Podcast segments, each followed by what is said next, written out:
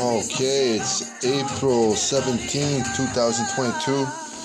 A very nice weekend here for Easter, Holy Thursday, Good Friday, Holy Saturday, Sunday Vigil.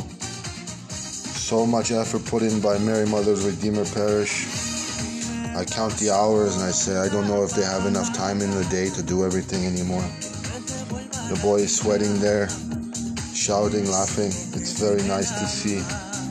I want to say uh, what a beautiful uh, Easter vigil this this eve- this late evening. It was very nice to be part of it. Won't forget it. It was one of one of a kind. Everyone has a different Easter vigil that they celebrate sometimes.